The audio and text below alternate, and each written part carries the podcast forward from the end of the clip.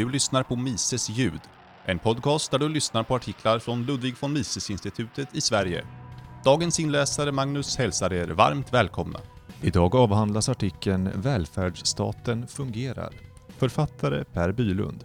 Publicerades på mises.se 27 juni 2018. Så här i valtider slåss politikerna om vad exakt staten bör göra härnäst. Och det handlar nästan alltid om att stärka välfärdsstaten. Generellt sett ser högern till hur systemet fungerar och föreslår att det ska effektiviseras så att färre resurser går till spillo. Det vill säga så vi får mer för pengarna. Vänstern, å andra sidan, vill stoppa in fler resurser i maskineriet så att det blir mer ut i andra änden.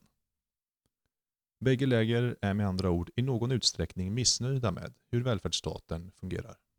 Libertarianer utmärker sig genom att inte bara hävda att vissa delar av välfärdsstaten fallerar, utan att systemet som sådant inte fungerar, eller inte kan fungera, och är omoraliskt.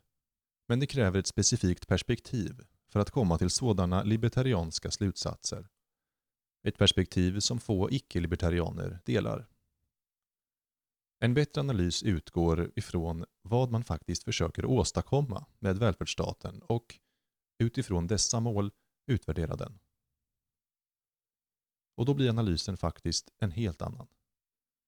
Medan riksdagspartierna käbblar om hur välfärdsstaten ska reformeras eller förstärkas så bör frihetsvänner istället påpeka att den fungerar och dessvärre fungerar väl. Omfördelning genom skatter och bidrag. I en ny rapport från Cato Institute dras följande slutsats. Efter 50 år av den amerikanska statens krig mot fattigdom har fattigdomen i USA nästan helt suddats ut. Med andra ord, detta politiska åtagande har uppnått det mål som utfästes. Programmet var alltså framgångsrikt. Vad är det då som skett? I korta ordalag har USA följt Sverige och andra europeiska länder och infört en omfattande välfärdsstat, vilken syftar till att omfördela resurserna i samhället. Den tar från de rika och ger till de fattiga. Phil Graham och Bob Eklund sammanfattar resultatet i Cato-studien i en artikel i Wall Street Journal, där det visar att skillnaderna i botten av inkomstfördelningen i det närmaste suddats ut. Graham och Eklund delar in amerikanska befolkningen i lika stora femtedelar sorterade på inkomst och jämför den genomsnittliga nettoköpkraften i vardera femtedel. Nettoköpkraft är här inkomst efter att skatt betalats samt med tillägg av allehanda bidrag och offentliga stöd. Det är med andra ord ett sätt att mäta den totala andel pengar som ett hushåll har att röra sig med. Vad visar då denna statistik? Jo, att fördelningen av köpkraft mellan femtedelarna är i det närmaste detsamma för de i de tre understa femtedelarna. Den lägsta femtedelen, tjänade totalt sett bara 2,2 procent av alla utbetalda löner men har efter skatter och bidrag 12,9 procent av köpkraften. Relativt resterande befolkningen görs alltså välfärdsstaten att de ökar sin köpkraft med det närmaste sex gånger. De i den näst lägsta femtedelen tjänade 7 procent av lönerna men har 13,9 procent av köpkraften, en dubblering och det är femtedelen i mitten tjänade 12,6 procent av lönerna men har i slutändan 15,4 procent av köpkraften. Med andra ord, den som har en förvärvsinkomst som är bland de 20 procent lägsta i landet har i stort sett lika mycket köpkraft som den som ligger i mitten av löneligan trots skillnader i löneinkomst. Dessutom, de 60 procent av befolkningen med lägst löner har högre relativ köpkraft än de har löner. För de övre femtedelarna gäller motsatsen. Den översta femtedelen tjänar 57,7 procent av lönerna men har bara 39,3 procent av köpkraften. För den näst översta är siffrorna 20,5 procent respektive 18,6 procent.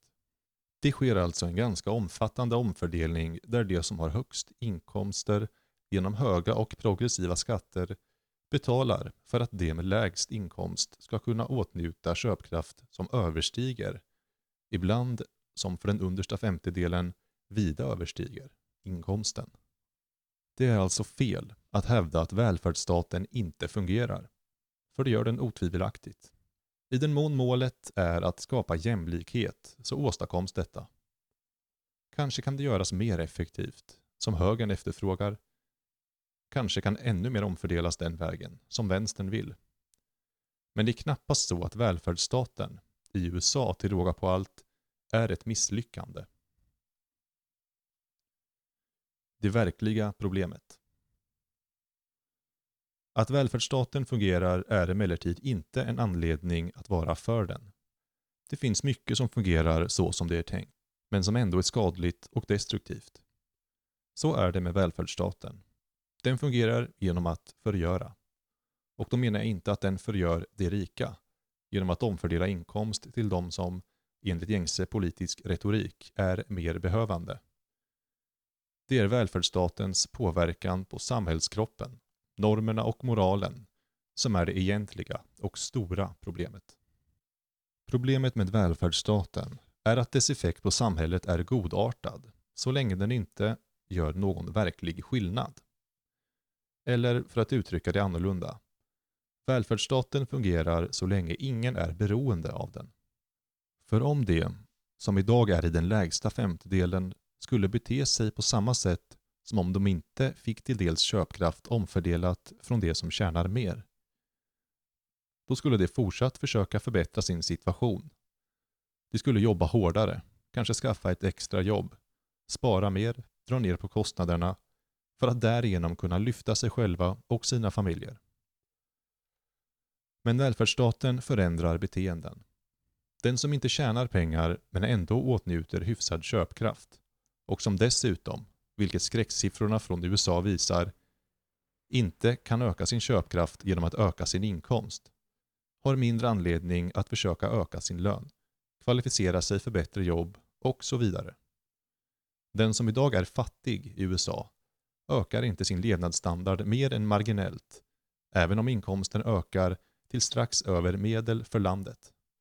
Varför ska man då kämpa?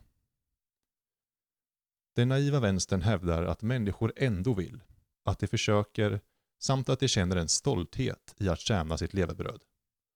Det stämmer. Men inte under ett system som omedelbart snor åt sig de förbättringar man jobbat till sig.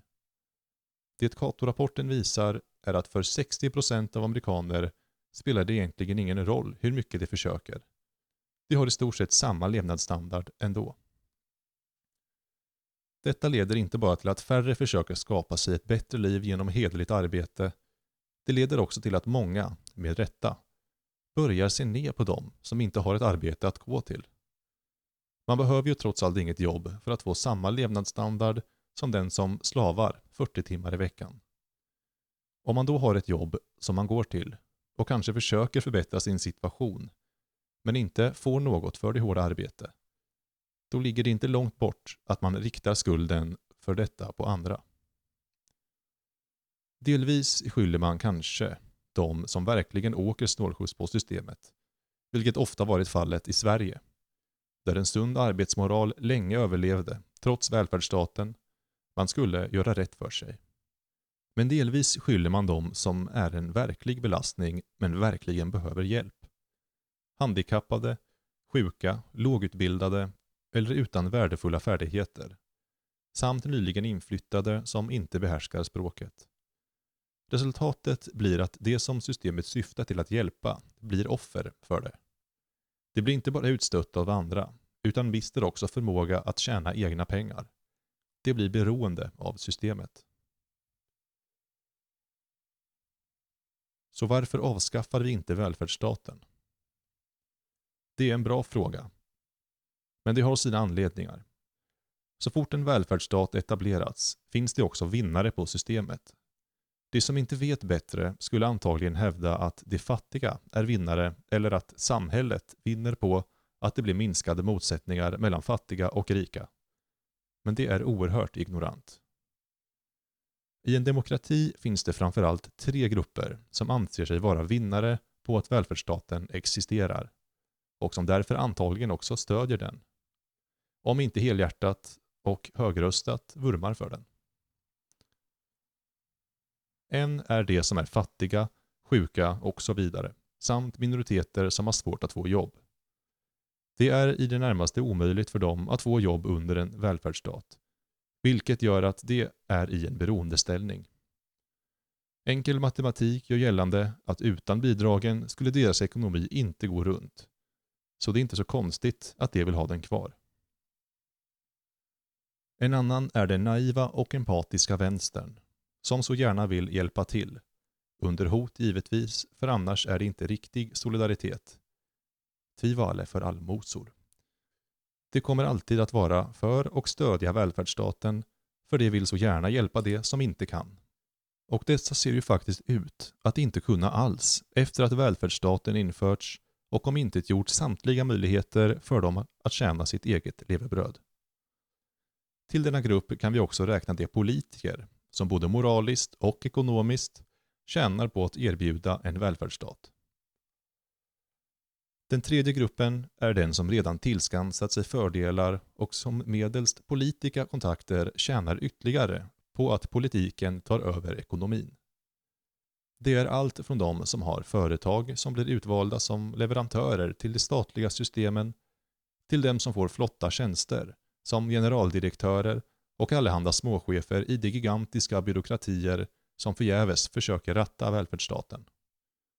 Samtliga har positioner som de antingen fått genom att de varit rätt positionerade gentemot den politiska makten eller haft något att erbjuda politiker i utbyte mot speciella privilegier.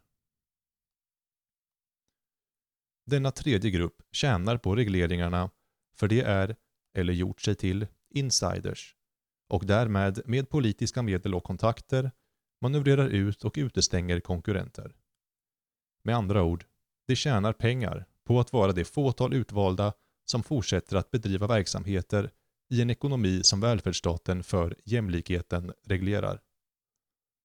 Förvisso förlorar det delvis genom den progressiva beskattningen. Men det är inte sällan som det finns möjligheter för den yttersta toppen att undvika beskattning. Och man ska inte heller glömma att dessa insiders inte hade tjänat några pengar, i alla fall inte i närheten av lika mycket, om inte det politiska systemet skapat vinnare och förlorare.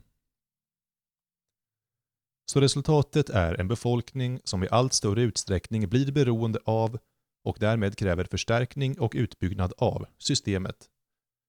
En politisk klass som lever gott på det system de är satta att ratta eller för dem i lägre rang i partierna siktar på en karriär i den politiska toppen. Samt en svågerkapitalistisk klass som tjänar enorma pengar på speciella överenskommelser med politiken. Förlorarna är de som inte ges chansen att stå på egna ben, att tjäna sitt eget levebröd. Så nog fungerar välfärdsstaten. Den fungerar ypperligt. Den är nödvändig för de som är beroende av den. Den tjänar dem väl och styr över den och kan nyttja den för politisk makt. Och den är en god inkomstkälla för dem som inte har några skrupler i affärslivet.